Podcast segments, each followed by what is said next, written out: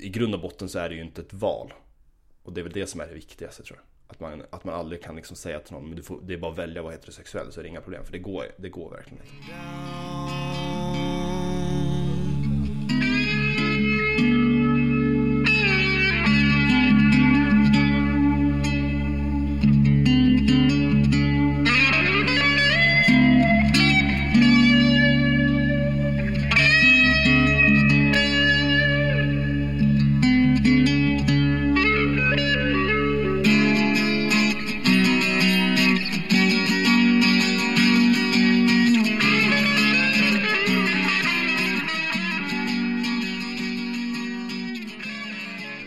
Berätta lite om dig själv, Viktor?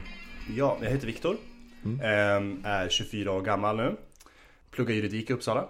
Läser på termin 6. Jag kommer ursprungligen från, eh, från Gävle. Ehm, Och eh, ja, växte upp där. Flyttade till Stockholm när jag var 18 år direkt efter studenten i princip. Så jobbade jag i Stockholm i, i två år. Och sen eh, bestämde jag mig för att jag ville börja plugga i Uppsala. Så då flyttade jag hit. Okej, vad vad jobbar du med i Stockholm? Eh, jag jobbade på Lidl, matvarukedja. Inte bara Lidl, jag körde lite andra ställen också. Jag hankade mig runt. Jag jobbade jättemycket ett tag. Jag jobbade på en eh, vikariepool som hjälpte till och ringde in vikarier till skolor som behövde det. Eh, det var också, satt på deras kontor, det var också riktigt nice. Jag såg att du var clown på Lidl, jag Ja, just det. profil lite Ja, det, var nog, det var nog en face rape från början. Men jag tyckte det var så roligt så jag hade, hade kvar det. Ja, bra Men de på Lidl har inte sagt någonting om det. Jag tänkte att de hade något, något nytt koncept liksom Ja, ja, nej. nu, nu ska vi försöka locka till oss barnen Precis, att det är en maskot som springer runt utanför butiken och lockar in barn. Nej men så är det inte. Jag, jag, jag jobbar där. Jag har jobbat lite som chef där också och eh, just nu jobbar jag extra på sidan av också. Okej, Så ja. jag jobbade igår till och med. Så att, eh, försöker hinna med så mycket möjligt. Tjäna lite extra pengar på sidan av. Det är ganska skönt.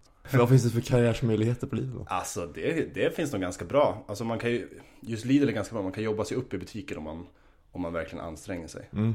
Ehm, Jag började ju jobba som eh, sommarvikarie. Och sen eh, typ ett, två år senare när jag bo- bodde i Stockholm och jobbade där så jobbade jag vikarierade som ställföreträdande butikschef. Och sen kan man bli butikschef om man bara jobbar hårt och sen finns det vissa som har gått vidare och blivit eh, eh, distriktschef också efter butikschef. Så det går ju att jobba sig uppåt. Så du trivs bra i Uppsala liksom? Du, vad, vad har du för intryck av Uppsala liksom nu efter tre år? Jo, men man kan börja säga jag hade tänkt att jag skulle plugga i Stockholm först, för Stockholm har alltid liksom tilltalat mig. Men sen när jag bodde där så kände jag liksom att det är nog skönare med en ordentlig studentstad, för det var lite så jag tänkte att Uppsala var.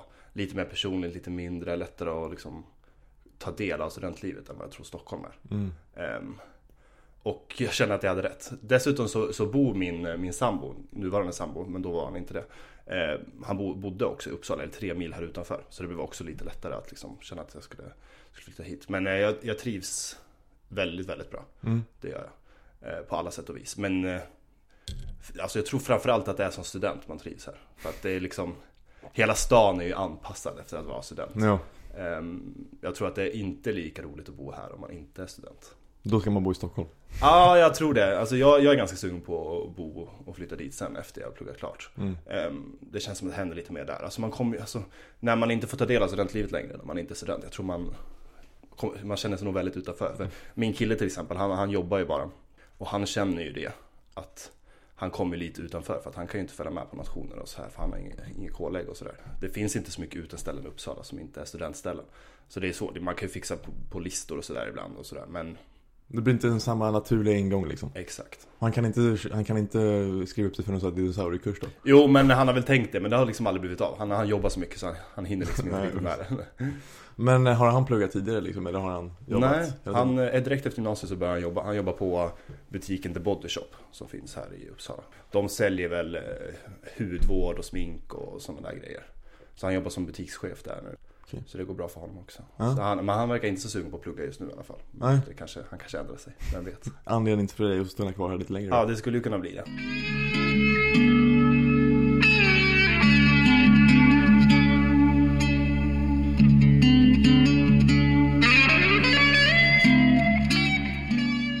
Jag tänker tillbaks på när jag var tonåring Typ eh, Då bodde jag i Tyskland faktiskt under eh, perioden 14 till 17 och bara det är ju en grej liksom Att Mm. flytta dit och bara fan är det här liksom Verkligen. Man börjar ju bli cool i Sverige liksom Så måste man flytta vidare Exakt.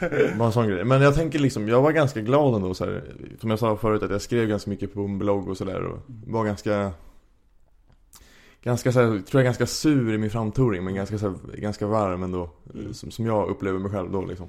Men ja, som man är liksom. Finnig och onyanserad. Mm. Men typ munter ändå. Hur var du som tonåring? Alltså när jag gick på högstadiet ifrån 13 till 15 så var jag nog Jag var, jag, jag var nog ganska, ganska liknande. Väldigt tillbakadragen och blyg under den tiden. Ehm, Var duktig i skolan alltid. Men väldigt blyg och eh, Men alltid, alltså jag har alltid varit en glad person med liksom mycket kompisar och sådär. Så det var väl aldrig så att jag var utanför på det sättet. Men jag var nog väldigt blyg inför, inför tjejer som det var på den tiden. Men sen så när jag eh, började gymnasiet så kom jag in i en jättebra klass där jag fick eh, liksom jag hittade mig själv där på ett annat sätt. För jag tror att det var det som var problemet under, under högstadiet. Att jag, jag eh, visste liksom inte riktigt vem jag var. Och försökte och letade väl efter det. Och var väl liksom inte bekväm med den, den miljön jag var i skulle jag kunna tänka mig. Mm. Sen när jag, när jag började gymnasiet så kände jag liksom, jag träffade massa människor som, som jag kände att jag hade mer gemensamt med på ett annat sätt. Eh, Alla som gick i den klassen var duktiga i skolan, vi var politiskt intresserade, liksom, vi pratade mycket om sånt där. Så det, jag växte väl som människa jättemycket under gymnasiet. Jag, den tiden formade nog mig väldigt mycket.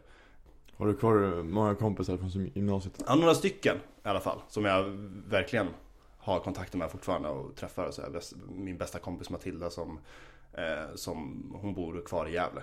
Eh, som jag eh, var jämt med under gymnasiet. Men vi bodde tillsammans i Stockholm ett tag också. Så, där. så att, eh, ja, precis. Så när började du inse att du var intresserad av killar? Var det, du pratade om att du började, du letade efter dig själv i, på högstadiet som alla gör då antar jag. Men eh, var det där eller var det senare eller tidigare? Alltså första tanken kom nog där någon gång på, på högstadiet tror jag.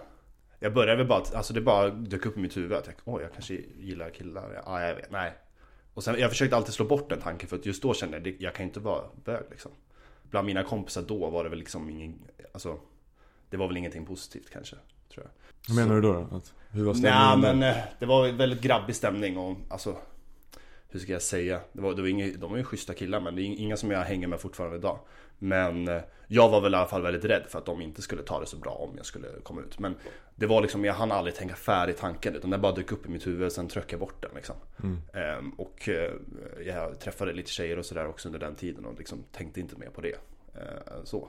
När jag började på gymnasiet, det blev lite annorlunda där. För när jag träffade alla människor där så var det snarare som att, att jag kunde vara, vara vem jag ville. Och då började jag utforska mig själv mer. På något sätt så tror jag att det gjorde mig att jag kände att det skulle göra mig intressant om jag, om jag, var, om jag var det liksom, på ett sätt. Mm. Ehm, så att det gick väldigt snabbt där. Från att jag, jag hade tjej första året i gymnasiet. I, vi var tillsammans i sju månader. Och sen andra året i gymnasiet så eh, liksom träffade jag min första kille då. Och det var också första killen som, jag, som, jag, som det hände någonting med liksom. Ehm, och den, den processen gick väldigt, väldigt snabbt. Och jag tror att det förenklades mycket för att eh, mina kompisar liksom, de pushade mig inte på det sättet. Men jag kände att för dem spelade det ingen roll liksom. Och snarare som att ja, det var, var en positiv grej. Och då blev det lättare tror jag. Intressant är det att du kände att det kunde bli en, en, eh, grej som gjorde det mer intressant. Jo, no, men jag tror verkligen att det var så att det, Alltså det är så svårt att beskriva. Man måste ju hamna i rätt miljö för att det ska kunna bli så. Mm. Eh, Men det är klart att det Ja det gjorde ju mig till en intressantare person på något sätt kände jag. Att det fanns någonting mer, mer än mig. Och på den tiden ville man ju liksom Man ville ju bli omtyckt och man ville ju liksom få uppmärksamhet och sådär. Så det var väl en liten sån grej skulle jag kunna tänka mig också. Som gjorde att det blev enklare. Det var inte så att jag liksom valde att bli homosexuell. Det, det, för mig var det liksom inget val överhuvudtaget. Men Mm. jag tror att det definitivt gjorde det enklare. Som ett enklare steg att ta när jag väl gjorde det liksom. För det var liksom ingen grej på det sättet. Och för mig var det inte så stor grej när det väl hände heller. Jag har några tjejkompisar från Tyskland-tiden som, som kom ut som bisexuella eh, under en period. Mm. De är ju heterosexuella idag. Men Ja. det var en så här vad, vad cool jag är nu, eller så här, Ja. nu är jag lite indie typ, eller De hade någon idé om att det här var lite, de, gjorde, de blev lite, lite intressantare liksom. Ja.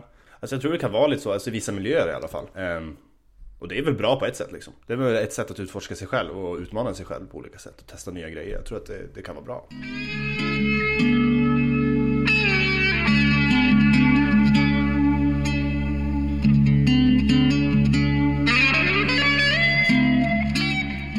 Du berättade lite om hur det var på högstadiet då, när du började tänka de här tankarna liksom. Men du puttade bort dem ganska tidigt. Mm. Var det bara för att du hade en, att du var omringad av en grabbig miljö eller var det Fanns det någonting inom dig som kände så här att jag vill Jag kan inte vara bög liksom? Alltså det, jag tror, alltså inom mig, det var ju inom mig men jag tror det, det kom ju utifrån. Alltså de krav, kraven på, på en själv liksom. Mm. eh, Den tiden jag sportade mycket, jag var ju massa, eh, spelade innebandy, fotboll och tennis och massa sporter också Det också var väldigt, väldigt grabbig miljö där, det- och jag, jag hade aldrig träffat någon människa som var homosexuell. Jag hade aldrig pratat med någon, jag hade inga tjejkompisar heller som det, Jag tror också det skulle kunna vara lättare att prata med om en sån sak. Eh, Så att det var ju liksom det var ju utifrån det kom, men det var inom mig jag kände bara att nej men de här tankarna vill jag liksom inte utforska. Så jag liksom blockerade dem på något sätt. De dök upp lite grann men jag blockerade dem ganska snabbt. Och sen tänkte jag inte så jättemycket mer på det. För det kände, ja men det var ju lätt att blockera så då är det ju ingen fara typ. Okej, så du liksom lät dem aldrig liksom riktigt bli en eh, Någonting som utgjorde din identitet Nej precis. på det, på det? Jag stoppade det liksom. Ja, Eh, och just då var det lätt att göra det. Men eh, det hade nog varit omöjligt att göra. Om, om vi säger att jag hade hamnat i en sån miljö även på gymnasiet. Jag tror liksom att under den ja, det, det är så svårt att säga i och för sig. Men Mm. till slut så hade det nog varit omöjligt att liksom bara slå undan det. Men det blev ju tvärtom att det var lätt att bara börja tänka på det då under gymnasiet. För att det var okej att utforska de tankarna. Jag kunde prata med mina kompisar om det liksom också. Och bara fun- funderade massa kring det. Så då var det lättare att, eh, att, det, att det blev en del av mig själv. Hur tänker du kring att det, det verkar ju vara då miljöbundet hur, hur, hur enkelt eller lätt det är att förlika sig med vem man är då? Mm. Liksom på högstadiet hade du en grabbig miljö och sen hade du tur på gymnasiet. Hur tänker du kring det, att det, att det är så? Eller i alla fall i ditt fall. Ja, alltså det är, det är svårt att säga. Det är, för det första är det väldigt tråkigt att det är så. Ehm, Att det skulle vara en negativ grej. Samtidigt så tror jag att man bygger, då byggde jag nu upp det mer i mitt huvud att det skulle vara en negativ grej också med alla mina kompisar på högstadiet. Jag tror inte att det hade varit så farligt om jag hade kommit ut då inför dem. Jag tror inte det. Eh, men när man är osäker så är det klart att i den åldern så, eh, så tror jag att eh, miljön spelar väldigt stor roll. Hur man liksom vågar tänka, vad man vågar säga och så vidare. Det är ju fortfarande ett problem idag så, miljön. Alltså det beror jättemycket på vem, vem det är man berättar för. Vissa kan ju ta det jättejobbigt. Men jag tror att det är mycket, mycket bättre idag. Och jag tror att eh, man inte ska vara så orolig som man kanske är för att komma ut. För jag tror att de, alltså de flesta människor i dagens Sverige eh, ändå liksom inte har några problem med det. Och därför kan man prata om det. Men det är, det är som sagt, det är ju säkert väldigt olika från miljö till miljö och ställe till ställe. Det tror jag. Mm. Och mognadsgrej också säkert. Alltså det har ju Mm. alltid Det har ju alltid funnits den här, som du säger på högstadiet Speciellt grabbar då, 14-15 som Mm. är osäkra själva Som ska projicera det på På homosexuella då liksom. Ja Precis. men det här är någonting avvikande För jag vet inte vem jag är själv så jag puttar bort och projicerar allting Mm. på dem Ja, Men överlag tänker du då att det har blivit bättre även Ja. i Det är, de klart, det, är, det är klart att det har varit så. Eller har blivit så. Eh, och det har Mm. gått ganska snabbt den utvecklingen också. Det märker jag ju bara liksom, liksom själv. Jag tror, jag tror att det är mycket bättre idag än vad det var för bara 10-15 år sedan. Liksom.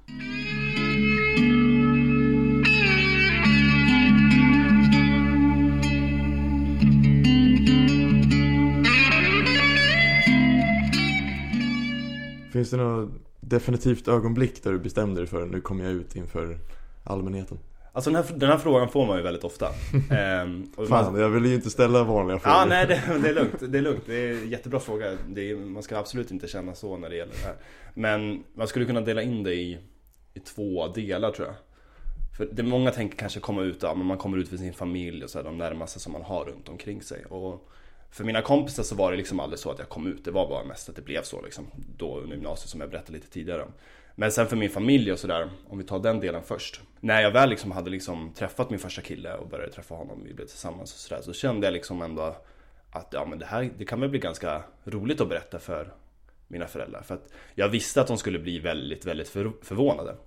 Just för att jag liksom hade varit en väldigt grabbig kille som sportat mycket och sådär. Och, och så så jag, jag hade liksom tanken att, eh, att de skulle bli väldigt förvånade. Jag var liksom aldrig, aldrig rädd för att de skulle liksom reagera dåligt på det. Att de skulle se ner på mig eller att de skulle kasta ut mig eller något sånt där. Aldrig. Mina föräldrar, inte alls så liksom. Eller mina, min familj överhuvudtaget. Men sen, eh, sen när jag ändå berättade så fick jag liksom reaktion, alltså den här förvånade reaktionen liksom, verkligen. Och den var jobbigare än vad jag trodde att den skulle vara. För man var tvungen att, att förklara, hur, hur kom du fram till det här?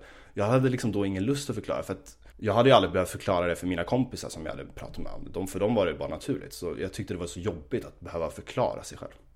Så därför så blev det kanske en, en längre process att berätta det för liksom hela min familj än vad jag, vad jag hade tänkt från början. Just för att jag, man ska inte kalla det feghet men Alltså jag, jag bara kände att det var jobbigt att, att ta den grejen för jag visste att reaktionen skulle bli alltså en sån stor, Det skulle bli en stor reaktion, inte en negativ reaktion men det skulle bli en stor reaktion. Och jag kände väl att, eh, att eh, jag inte orkade ta den liksom. Men sen, det bara blev, sen blev det så jag berättade det för alla till slut i alla fall. Och som jag, jag visste ju det att ingen skulle ta det dåligt men ja, det blev en ganska stor reaktion. Mm, Stor, alltså en långdragen process liksom så här. Alltså inte långdragen process, det var, det var väl aldrig så. Men man var tvungen att förklara sig liksom. Och, ehm, och bara liksom få massa frågor som jag kände att de här borde du inte ställa. Varför finns de här frågorna? Det här ska ju bara vara naturligt för alla liksom. Mm. Jag har ju aldrig behövt förklara mig själv för varför jag är straight liksom. Nej precis. Så det är lite, det är ju skillnad ju. Jo, jag tror, jag tror det. Och liksom, man skulle kunna jämföra lite med min, med min kille också för han kanske mer som man tänker en stereotyp homosexuell person. Eh, Han sminkar sig eh, och sådär och eh, man, man skulle, när man ser honom så kanske man tänker ja han är nog förmodligen bög. Ehm, Och då han har ju berättat, han behövde ju aldrig komma ut för sin familj. För de tänkte ju hela tiden att han var homosexuell. Så det var ju mer så här, ja men han brukar berätta att eh, Eh, när han träffade tjejer så var det aldrig någon så speciell fråga. Men så fort han var hemma hos en, en kille så, så frågade de så här va, Jaha, vem är det där då? Vad ska ni göra? Och så där. De blev nyfikna så för de tänkte att innan han ens hade kommit ut. Så för honom var det naturligt. Medan för mig har det liksom eh, varit tvärtom. Och är fortfarande. Och det var det som jag tänkte prata lite om just den här med den andra delen av frågan. Att man behöver ju faktiskt komma ut. Jag behöver ju komma ut hela tiden. Varje gång jag träffar en ny människa så behöver jag ju komma ut igen oftast. Eftersom det är, ing, det är ingen som tänker att jag är homosexuell när de, se- när de ser mig. Nästan ingen. Um, så då behöver man ju, jag får ju ofta den här fortfarande väldigt förvånade reaktionen. Den som jag tyckte var, det var väldigt jobbig just då. Och som jag fortfarande kan tycka är lite jobbig ibland. Um, när jag ska berätta för, för människor. Och det, alltså, jag vet, oftast är det så att ingen tar det negativt, eller nästan alltid är det så att ingen tar det negativt. Men just att man behöver förklara sig. Det eh, jag tycker bara att det kan vara liksom påfrestande och lite drygt. Så det är väl den andra delen av det. Att man, man, man måste alltid, eller jag i alla fall måste väldigt ofta komma ut. Varje gång om jag skulle få ett nytt jobb skulle jag behöva göra det. Eller när jag träffar nya människor och nya kompisar eller på fester och så här. Och den delen kan ju vara lite, lite påfrestande. Så vi har liksom i den här tolerans upplysthetseran så har vi Vi har skurit bort det här Nej, eh. Och det har tagit bort det Men vi har inte tagit bort det här att Vi ändå på något sätt skiljer homosexuella från heterosexuella Typ när den här, i den här förvåningen då Även om den inte har Det finns ingen ond intention där så finns det ju Finns ju någonting, jaha Alltså Mm. för, för att du då kanske tillhör någon slags heteronorm i ditt Hur du är liksom Ja, precis. Och egentligen så är det väl ganska, ganska naturligt att det är så tänker jag också. Ehm, att det kan vara jobbigt och negativt, det, det, så är det ju. Men tänk om man aldrig har haft någon kompis som är homosexuell till exempel. Alltså det är klart att man blir nyfiken och har frågor liksom. För att heteronormen är ju, det är en norm för att det är det var, man ska inte säga det normala för att jag tycker inte att någonting är normalt eller normalt. Men det är ju det vanliga, det mest förekommande. Och då blir det ju ganska naturligt att, att det blir reaktioner när man träffar människor eh, som inte är som alla andra. Och då får man ju ofta frågor och, och det är ju inte något fel att ställa dem heller. Så att det, jag tror det är ganska svårt att komma bort från den grejen. Men det, det är klart, det blir ju bättre på den punkten också.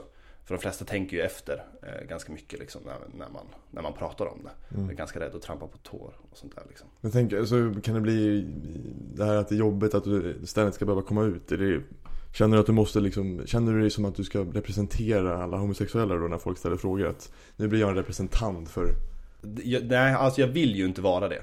Men det är klart, på, ett, på lite sätt kan det ju bli så liksom. Mm. Ehm, jag vet inte, jag kommer inte på någon bra exempel eller situation just nu men Jag vill ju bara vara mig själv. Alltså jag, jag tycker det, alltså det är en så otroligt liten del av min, min identitet att jag är homosexuell. En jätteliten del.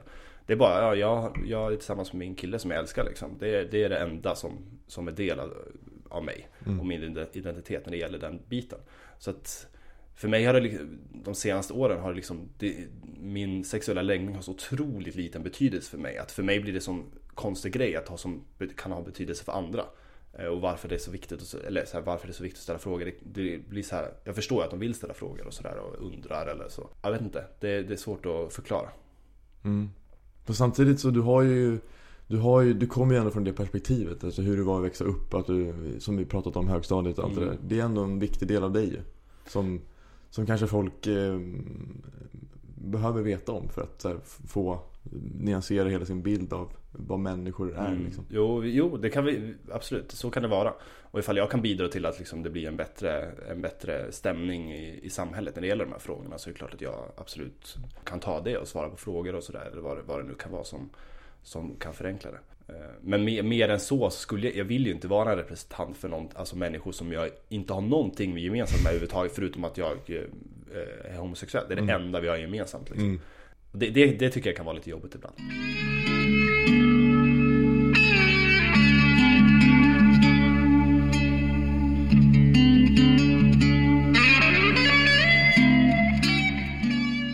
Har du sett det här eh, Absolut Svensk som Ja. livsmedelsprogram? Ja, jag har inte sett alla, jag har sett eh, lite grann, nästan hela första avsnittet och lite grann av andra. Vad tyckte du om första? Jo men det var bra. Det var, jag, blev eh, lite illa till mods för jag trodde inte att det, att, det, att det var att folk hade så mycket fördomar. Jag trodde att det var bättre än vad det var som framgick av programmet. Så det var lite tråkigt att se. Mm.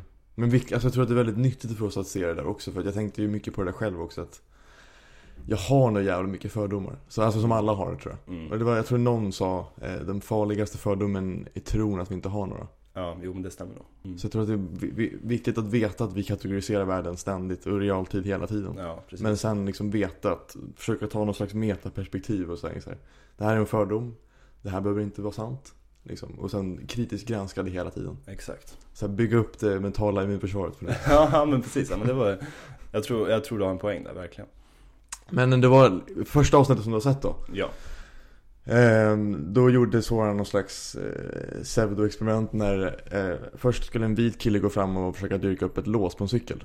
Eh, och så gick det för massa människor förbi som inte visste om att kameran rullade liksom. Ja. Nästan ingen gick förbi och jag tror inte de klippte för att framhäva poängen som jag kommer komma till snart. Jag tror att det var väldigt få som verkligen gick fram till den här vita killen. Ja. Sen eh, så skulle en svart kille göra samma sak och försöka dyrka upp ett lås. Då var det jättemånga som kom fram och frågade Är det här verkligen din cykel? Just det. Och så vidare. Och sen eh, när Soran intervjuade de här människorna som hade gått fram Efteråt och bara, men hade du gått fram ifall han hade varit vit? Eller så här, hade det spelat någon roll var han kom ifrån eller vilket utseende han hade liksom? Då sa de flesta, nej Alltså absolut inte så här, Mm. så här snabbt bara, Nej, det hade, det hade inte spelat någon roll, jag är inte alls fördomsfull Exakt. Och de tänkte säkert så också. Det var nog inte bara ett, ett svar utan de tänkte säkert så också Ja verkligen, Nej. det tror jag verkligen Mm. Alltså att den, den eh, det, känns hårt, det känns hårt att säga att det är brist på självinsikt Men jag tror att det är det till viss gräns Ja. Alltså den här magre- magreaktionen att säga nej, jag skulle gått fram oavsett. Man vet inte om att man är så känslostyrd Mm. när man inte vet om det. Jag förstår Då- hur du menar. Och jag tänkte lite på det där också så här, vad, hur hade jag reagerat liksom? Och det är svårt att säga det, men jag tror att jag nog hade varit mer benägen att gå fram till den vita killen. För, alltså av helt fel anledningar då. För jag hade, jag hade nog tänkt så här. Alltså att jag, tror, jag tror att jag kan vara övertolerant mot minoriteter som jag vet är utsatta i samhället. Och att jag då liksom för att på något sätt eh, För att bevisa din fördomsfrihet på något sätt. Precis, Ja. så jag kanske jag slår hårdare mot dem som inte Mm. tillhör någon slags minoritet. Ja, är vilket, är, vilket är jättekonstigt ju, för Ja. då gör jag ju ändå skillnad och använder olika kriterier. Jo, precis. Eh, så jag tänkte på det när jag skulle intervjua dig nu, så här, har du Har du en upplevelse om att här, folk är så här, övertoleranta mot dig för att du är homosexuell? Liksom, så att, ja vad cool du är eller så att om du kanske är lite dryg eller så, att folk bara, men han är skön liksom. Mm. Att de ser dig genom något slags övertolerant Ja. filter. Jo, jo, det här är väldigt intressant. Jag, bruk, jag brukar kalla det för bö, bögalibit. Ehm, och visst, visst är det verkligen så. Jag tror det uttrycks sig på jättemånga sätt. Eh, men just här i den här miljön, i studentmiljön så här. Eh. Alltså jag, ja, jag tror, jag tror verkligen att det är så. Jag tror man, jag har ett otroligt mycket vidare svängrum än vad andra vita män har Eh, i, i dagens samhälle. Eh, om man ja, det kan vara i, i situationer till exempel, jag kanske är lite kritisk till alla feministiska idéer som, som finns eh, och som kommer till uttryck eh, på ma- massa olika ställen. Jag tror jag har väldigt mycket större utrymme än, än andra har att kritisera det, att eh, vara kritisk till det, att säga ifrån när jag tycker att det, det här inte stämmer. Medan jag tror att väldigt många andra som, som är exakt som jag, som ser ut som, exakt som jag, skulle kunna få stämpeln vit kränkt man på sig. Mycket snabbare än vad jag skulle få. Och på det sättet har jag ett väldigt mycket större utrymme att säga kontroversiella saker som jag, jag själv tycker inte att det, att det är ko- kontroversiellt. Men att säga det jag tycker i, i situationer där eh, andra inte skulle kunna göra det. Och det är, väl, det är väl en fördel för mig men jag tycker att det är väldigt, väldigt tråkigt att det ska vara så. Mm. Ehm, och jag, jag tycker inte att, att min läggning ska ha någon sorts betydelse där överhuvudtaget. Men det är ju en fördel också. Och det är samma sak, jag, kan, jag, jag är liksom, den jargongen jag har med mina killkompisar nu till exempel. Är, eh, eller med nya människor jag träffar, jag kan liksom dra bögskämt och sånt här. Liksom, och mina kompisar kan göra det mot mig för de vet att jag är bekväm med det. För att jag tycker inte det är någon big deal. Men det kan ju inte andra människor göra heller. Liksom. Det, där har man också ett alibi att liksom, eh, ha en jargong som andra eh, skulle få kritik för att ha. Så visst finns det så, en sorts övertolerans mot, mot människor. Och det är ju, alltså jag tycker att man ska kunna skämta, jag tycker att man ska kunna eh, eh, vara kritisk till saker utan att få stämpla på sig och sådär. Men det är tråkigt att, att det ska vara lättare för mig att göra det än för andra som också kanske vill säga samma saker.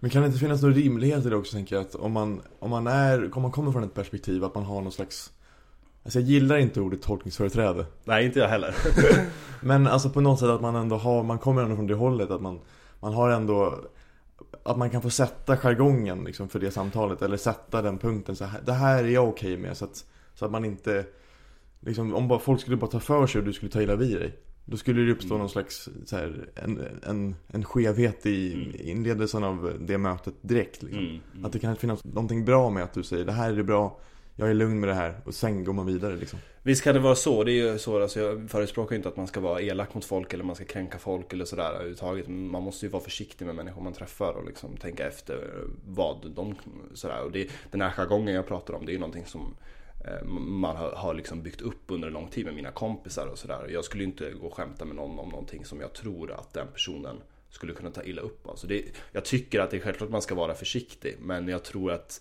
det finns en risk också att man, är, att man är för försiktig. Och jag tror också att de flesta människor, när man tänker efter så tror jag att att egentligen så spelar det nog inte så stor roll. För mig spelar det ingen roll om folk skämtar om, om homosexuella liksom. Det, för mig gör det inte det. Men det, om det nu gör det för andra så är det klart att de, då får de ju säga det och då är det därför också man ska vara försiktig såklart. Men just det här med tolkningsföreträde, alltså man har ju alltid tolkningsföreträde på sina, på sina egna upplevelser. Det har man ju.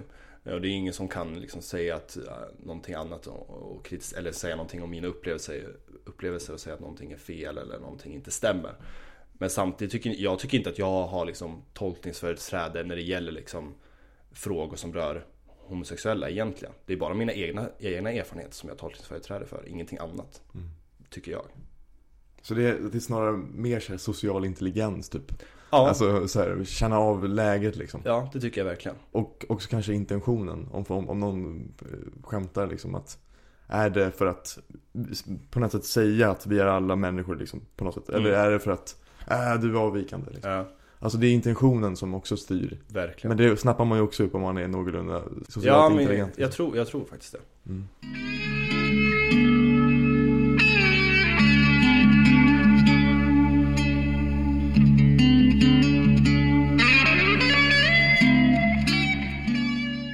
Men nu, det här med feminism, vill du prata lite om det också?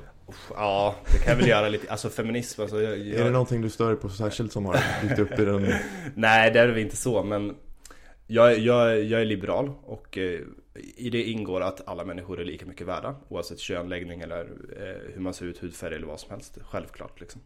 Men jag, det, jag, det som också ingår då det är att alla ska vara lika. Och eh, det jag stör mig på det jag inte gillar med feminismen är att jag tycker att eh, de hur ska man säga det? Eller de, alltså det är, man generaliserar en hel rörelse. Det finns alltså vänsterfeminism menar du nu eller? Menar du Birgitta Olsson feminism? Det kan man nog säga, vänsterfeminism. Men den här kvoteringshysterin med att liksom lyfta upp kvinnor och trycka ner män, de ska stå tillbaka och sådär. Det, jag gillar inte det för då, då generaliserar man ju och då gör man ju kön till en grej. Och det är det jag tycker att man inte ska, om du säger att ja, men vi ska kvotera in kvinnor till en bolagsstyrelse För att ja, men det är bra och viktigt att ha kvinnor i, i styrelsen och det måste vara jämställt Men då, då gör ju du det till eh, Då gör, gör man ju kön till en faktor. Eh, och visst, självklart kan kön vara en faktor liksom även annars, visst är det så. Men man måste ju se till, ja, för mig är det alltid viktigt att se till individerna. Och ja, jag tycker bara att det är fel att liksom gruppa, eh, gruppera ihop människor på det sättet som, som man måste göra om man måste positivt särbehandla någon. Eh, ja, jag har lite, lite svårt för det. Men eh, bara för att spela djävulens advokat lite grann. Ja, Det här med att vi har ganska mans, alltså den här manskulturen in, i bolagsstyrelser till exempel. Alltså vad, vad är det som säger att de ska ändra sig och anställa kvinnor liksom? Som är mer kompetenta än sina, sina barndomskompisar till exempel. Om nu ska Alltså, schabloniserade bilden liksom. jag skrev eh, ett PM om kvotering på, T, på T5 eh, På associationsrätten och det finns ju jättemånga föreställningar om att liksom män väljer män och sådär eh, Jag tror det var, när jag skrev det så var det 30% kvinnor och 70% män i, i alla bolagsstyrelser Så det är inte som att det är 95-5% eh, Och den här liksom manskulturen som, som du pratar om. Det finns liksom inget stöd för att det skulle, det är klart att det kan, i en bolagsstyrelse med många män så kan det väl vara en grabbig stämning. Men varför skulle en kvinna inte kunna, kunna vara del av den? Liksom? Mm. Eh, tror, tror jag. Mm. Eh, och eh, när jag skrev mitt PM så visade det sig också liksom att Och det tänker jag också är ganska, ganska givet att när man väljer sin styrelse till ett bolag Då vill man ju ha de mest kompetenta personerna Och då kollar man inte på kön, då kollar man på kompetens. Alltså alla bolag är vinstdrivande och vill tjäna pengar. De vill, inte, de vill ha de bästa personerna på rätt plats. Och då, för de kommer inte kön spela någon roll i nästan alla situationer. För mig, för att kvotering skulle kunna vara ett liksom legitimt verktyg så skulle man behöva visa mycket tydligare på att det är en jättestor skevhet och att det skulle vara så att män bara väljer män. Men eftersom det inte är så i den, den så pass stor utsträckning så tycker jag absolut inte att det är ett legitimt verktyg att använda sig av. Mm. Alltså det är inte så, det är inte så här 20-talet Sverige, direktör Fransson och fröken någonting. Alltså det finns inte den här Exakt. tydliga uppdelningen längre. Exakt. Den stora eh, grejen varför jag är emot kvotering är att man då verkligen sätter en stämpel på kön. Att kön ska ha betydelse. Det är det i lagstiftning. Och det är ju mycket mer hemskt än att det finns någon eh, aktieägare som väljer en man istället för en kvinna i en liten situation. Även om det också är jätte, jättedåligt såklart. Eh, ogillar jag jättemycket också. Men det är ju mycket värre att, att lagstifta om att kön ska spela roll. Vad tycker du om Pride? Pridefestivalen? Om Pride. Väldigt bra fest. alltså jag har varit på alla Pride-festivaler sedan 2011 tror jag. Och jag har alltid lika roligt. Mm. Eh, Festa med alla mina kompisar i Stockholm, det är, det är roligt. Men vart festar man? Liksom, festar man i tåget eller festar man Ja, alltså jag har gått eller? i tåget, jag har stått och kollat på tåget Men det är ju en hel vecka så det finns ju massa olika fester Ehm, Det året jag, ett av åren när jag bodde i Stockholm så var det liksom Då festade vi måndag till söndag under hela Pride-festivalen Då var det ju massa aktiviteter på klubbar och i parker och vad som helst liksom eh, Och så Men eh, nu, nu när jag bott i Uppsala de senaste tiderna så har det varit att jag har kollat eller gått i tåget och sen festat på kvällen på någon klubb liksom Men vad är, det, vad är det du gillar med Pride då? Hela konceptet? Alltså själva konceptet, jag vet inte, jag har, jag har inte så mycket åsikter om det Alltså det är ju Det är bra fest. Det är bra, det, men lite så är det väl. Men det är väl också, det är väl klart att det är bra att manifestera på något sätt att, eh, att eh, alla människor är lika mycket värda, vilket jag tycker det i grund och botten det handlar om. Liksom. Eh, och också, det är jättefint att se alla stolta föräldrar som, som man ser gå i, gå i en del av tåget också. Eh, och visa upp den sidan och så. Men för mig har det aldrig varit liksom, kanske första året så kanske det var en politisk grej. Men för mig är det nu bara en rolig, en rolig tillställning som jag tycker om att vara på. Mm. Jag har varit där en gång till 2012. Mm. Ja, mycket folk. Ja, det är mycket folk. Det är Det, är roligt att se. Mm, verkligen. Alltså jag tänkte, funderade på att gå in tåget bara, kan man bara göra det i joggorna liksom? Eller, Ja, det kan du nog göra. Alltså du, ja, eller måste man så här, skriva upp sig typ? Alltså man måste ju, om du ska gå som en organisation så måste man skriva upp sig med ett flak eller så. Men jag tror att det bara är att hoppa in i, i någon del av tåget. Men det kan, det kan ju kanske vara bra att fråga dem som du hoppar in med. Är det okej om jag går med det? Stå arm i arm med Lars Ohly liksom. Ja, precis.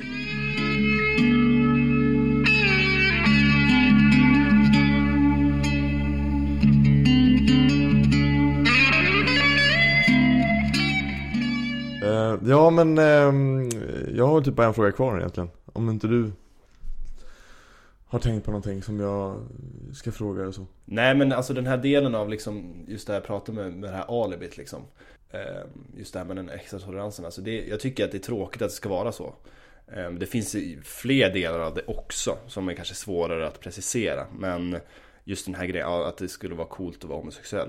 Och sådär, att det är en positiv grej. När jag, när jag gick på gymnasiet så tyckte jag ju att att det var, var det nog ganska bra att det var så, att det var den miljön för att, för att det var lättare för mig att liksom börja tänka på de tankarna som vi pratade om tidigare. Men nu tycker jag liksom att det, att det eftersom det är en sån otroligt liten del av min identitet så tycker jag liksom är tråkigt. Jag vill inte bli sedd som Viktor som är homosexuell. Jag vill, bli sedd som Viktor som gör massa andra saker liksom. Eh, så det, det kan också vara en sak folk, det kan vara bra att tänka på bara att bara för att man är homosexuell så behöver inte det, för jag tror att de flesta tänker, och för de flesta är det kanske också så att det är en sån otroligt stor del av identiteten. Att liksom att det är en viktig grej, men för alla är det inte så. Det, det kan vara värt att tänka på. Så intressant ändå att säga att det typ i gymnasiet att det kan vara bra, det kan liksom bli en krok upp i något slags självförtroende då. Så att Ja. komma ut till exempel. Det finns en övertolerans där men att så här, när man kommer ut i det riktiga livet liksom och blir en hel människa, Mm. alltså när man blir mogen och så. Att det då ska, då ska man tänka på att inte för alla kan ju vara en idiot. Alltså det är lite min Mm. utgångspunkt också. Jo, Även om jag formulerar det som att alla är förmodligen är härliga människor.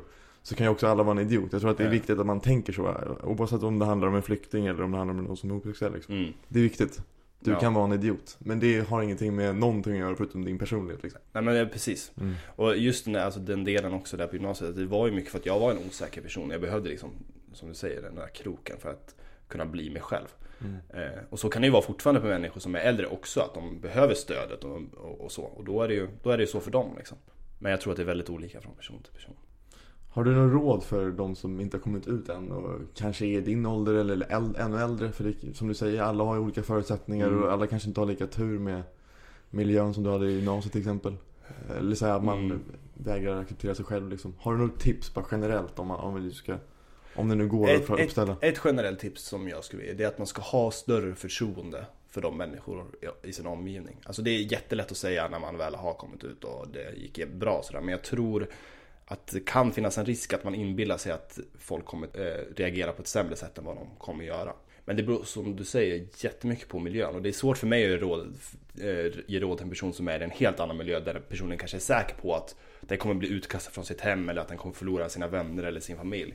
Det man skulle kunna ge rådet till dem det är att försöka att liksom träffa människor som man kan tänka sig är mer öppna inför det. Kunna prata med dem och liksom sådär. Försök att prata med dina närmaste, närmaste vänner om det. För att jag tror att de flesta kommer reagera på ett positivt sätt. Det är bara liksom att försöka och prata lite grann om det. Och, vå- och våga ta steget. Har du något generellt råd då om man, liksom för en själv, att i den inre konflikten som kanske finns, att eh, come to terms, så. Alltså det är så svårt för det beror ju på varför finns en inre konflikt. Mm. Ehm, för mig var den inre konflikten, berodde nog den inre konflikten på att min, den miljön jag var i då, att jag var liksom tveksam till hur folk skulle reagera. Och jag tror att det kan också vara, vara vanligt, men det kan ju också vara att det beror på att man själv inte tycker att det är okej att vara homosexuell, men man ändå känner att man är det. Och då är det jättesvårt för mig att säga någonting. Ehm, men jag man måste försöka att hitta människor att prata med, med det om. Ehm, och försöka liksom tänka att det är ingenting fel överhuvudtaget. Det är liksom, eh, samhället ser eh, helt annorlunda ut idag. Folk kommer inte att, de flesta kommer inte att se ner på dig för att du är annorlunda.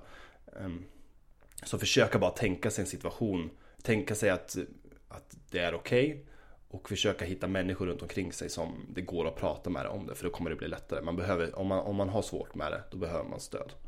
Och det man också kan säga är att om du vet om att det är massa kom, kompisar, det kanske inte är dina närmsta kompisar, men bekanta runt omkring dig som du träffar och hänger med, som du kanske är ganska säker på har en negativ inställning. Då, om de inte är jätteviktiga för dig så kan det vara liksom läge att försöka bryta med dem. För att om det är sådana människor som inte kommer ha en, eh, ha, få en positiv reaktion, då är det liksom kanske inte heller kompisar att behålla. Liksom. Så det tror jag man kan, man kan säga. Men det är, det är mycket lättare sagt än gjort också. Tror du, kan, tror du att det kan vara svårare att komma ut ju äldre man blir? Eftersom man bygger upp någon slags identitet där den här delen av sig själv inte ingår då utåt, kanske också även inåt. Att det, om man är ja, svårare att komma ut när man är 30 då. Alltså, det är svårt att säga generellt kanske men Det är jättesvårt att svara på. Men visst, visst kan det vara det. Om, om du känner att liksom det har varit en väldigt stor del av din identitet att vara heterosexuell. Och sen inser du att men jag är nog homosexuell. Det är klart att då kan det vara, vara väldigt svårt. Men det beror också på liksom om du bara inser att du är det utan att det är en stor del av dig själv. Du känner att jag gillar killar också till exempel. Eller jag gillar tjejer också. Ehm, då behöver det kanske inte vara det ändå. Även om det är sent i livet. Om det bara är liksom inte är så stor, stor del av din identitet. Mm. Innan man kommer ut, att är det så att ens homosexualitet är mycket större än efter man har passerat den tröskeln liksom? För det är som du säger nu att ja, du är homosexuell men du är, du är så mycket mer liksom att det är bara en liten del av vem du är. Men att innan, innan man kommer ut liksom att det, att det är allt för att Jo, Ja, jo men det stämmer nog. Alltså det blir så. Eftersom det kommer vara en, en sak du kommer tänka på så mycket. Som om du, om du eh, strider med dig själv om att komma ut eller inte. Och du tänker, då kommer du ju tänka på det så otroligt mycket. Att det kommer uppta en större del av dig själv. Mm. Och då kommer det bli en, del av din identitet, identitet. Så det stämmer säkert eh, väldigt bra att det är så. Medan för mig, eftersom det har varit så naturligt länge. Liksom all, alla mina nära och kära vet om det, är inga problem överhuvudtaget. Då är det klart att det, det blir lätt så att det blir en mindre del av sig själv. För att det är, som, Det är bara vanligt. Jag bor tillsammans med min kille och det är det enda liksom. Mm. Eh, Så det, visst stämmer det, säkert. Var det annorlunda att komma ut för dina far och morföräldrar? Än för dina föräldrar? Alltså generationsaspekten tänker jag. Alltså, nej, det ska jag väl inte Alltså de tog det också väldigt bra men var också väldigt förvånade tror jag. Mm. Ehm, och så. Det vill säga, jag vet inte, jag har inte pratat sådär jättemycket med dem, med dem om det. På det sättet, på samma sätt som jag pratar med mina föräldrar. Eh, Men jag tror faktiskt inte att det var så stor skillnad. De var väl kanske nyfikna på ett sätt och kanske inte riktigt eh, eh, förstod på samma sätt. Jag, jag vet inte, det är svårt för mig. Jag har inte pratat så mycket med dem om det. Om jag ska vara. Så du tror att man föds homosexuell då? Alltså det är så här, det är ju, jag har ju inte valt det på det sättet. Det har jag ju inte gjort. Alltså det är, på, så på det sättet så kanske man föds som det. Till viss del så är det säkert så. Men jag tror också att det beror på miljö och uppväxt liksom. Av olika saker, och- saker och ting. Och man kan ju spekulera så här vad som hade hänt mig om jag inte hade Om jag fortsatt hängt med massa grabbiga killar och liksom Om det hade varit så annorlunda då, om jag inte hade träffat massa fina människor på gymnasiet som jag kände att jag kunde prata med. Om det, det kanske inte hade eh, Om jag inte hade börjat tänka på det så mycket då kanske det inte hade utvecklats på samma sätt heller. Så det kan ju finnas massa olika saker som spelar roll. Men i grund och botten så är det ju inte ett val. Och det är väl det som är det viktigaste tror jag. Att man, att man aldrig kan liksom säga till någon, men du får, det är bara att välja att vara heterosexuell så är det inga problem. För det går, det går verkligen inte. Tack för att du kom hit Viktor Fransson. Inga problem, det var kul att vara med.